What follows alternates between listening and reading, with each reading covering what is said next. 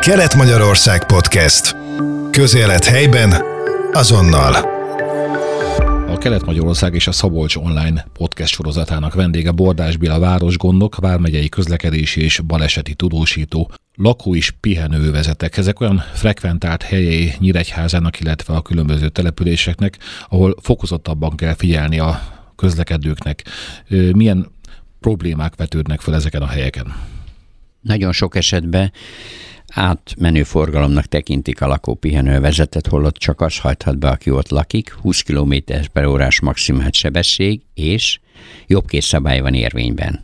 Tudjuk, hogy nincsenek stop táblák, nincsenek elsőbségadás táblák a lakópihenővezetbe, például Honvéd utca, Nádor utca, itt is lakópihenővezet, de hogy egyes járművezetők átmenő forgalomnak tekintsék ezt az utcakaszt, én most a Nádor utcáról beszélek, hogy behajtanak a Debrecen út felől, a Szilfa utcán, és hát szó szerint végig robognak a Nádor utcán, holott akár az úttesten is bárki áthaladhat békésen, nem számolva azzal, hogy egy nagyobb sebességgel közlekedik valaki.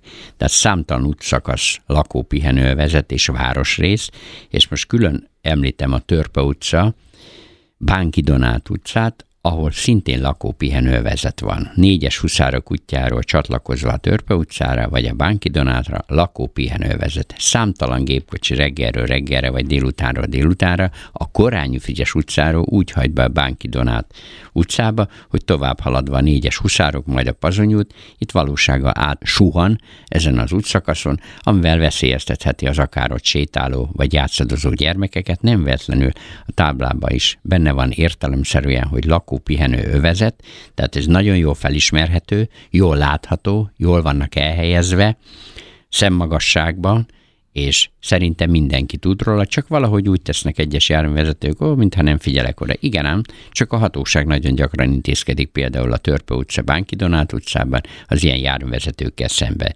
De a keleti Márton út, Örökösföld ott is.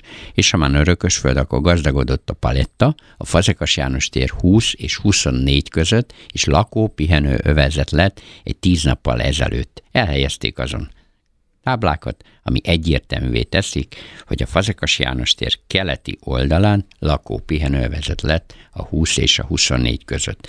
És a keleti Márton út is lakópihenővezet ugye egy része, és nem csak itt, hanem nagyon sok helyen város szerte el vannak helyezve ezen táblák, hogy lakópihenő övezetbe érkezik valaki, tehát kerékpárral szabad egyedül áthajtani, az megengedett, de gépkocsival csak az, aki ott lakik.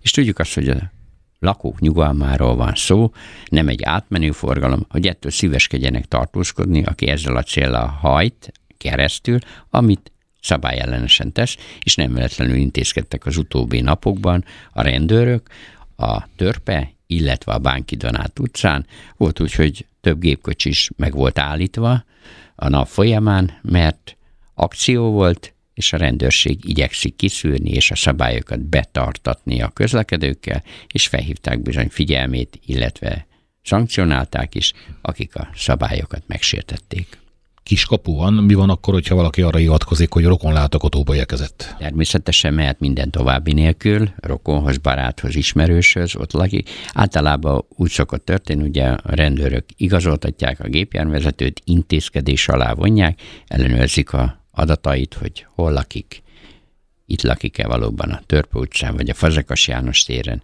vagy bárhol, és a intézkedésnél, hogyha ez nyilván bebizonyosodik, hogy ott lakik, akkor teljesen jogosan, jogszerűen hajt be, de hozzáteszem 20 km per óra maximált megengedett haladási sebesség, jobb készszabály, aki jobbról érkezik, annak van elsőbsége.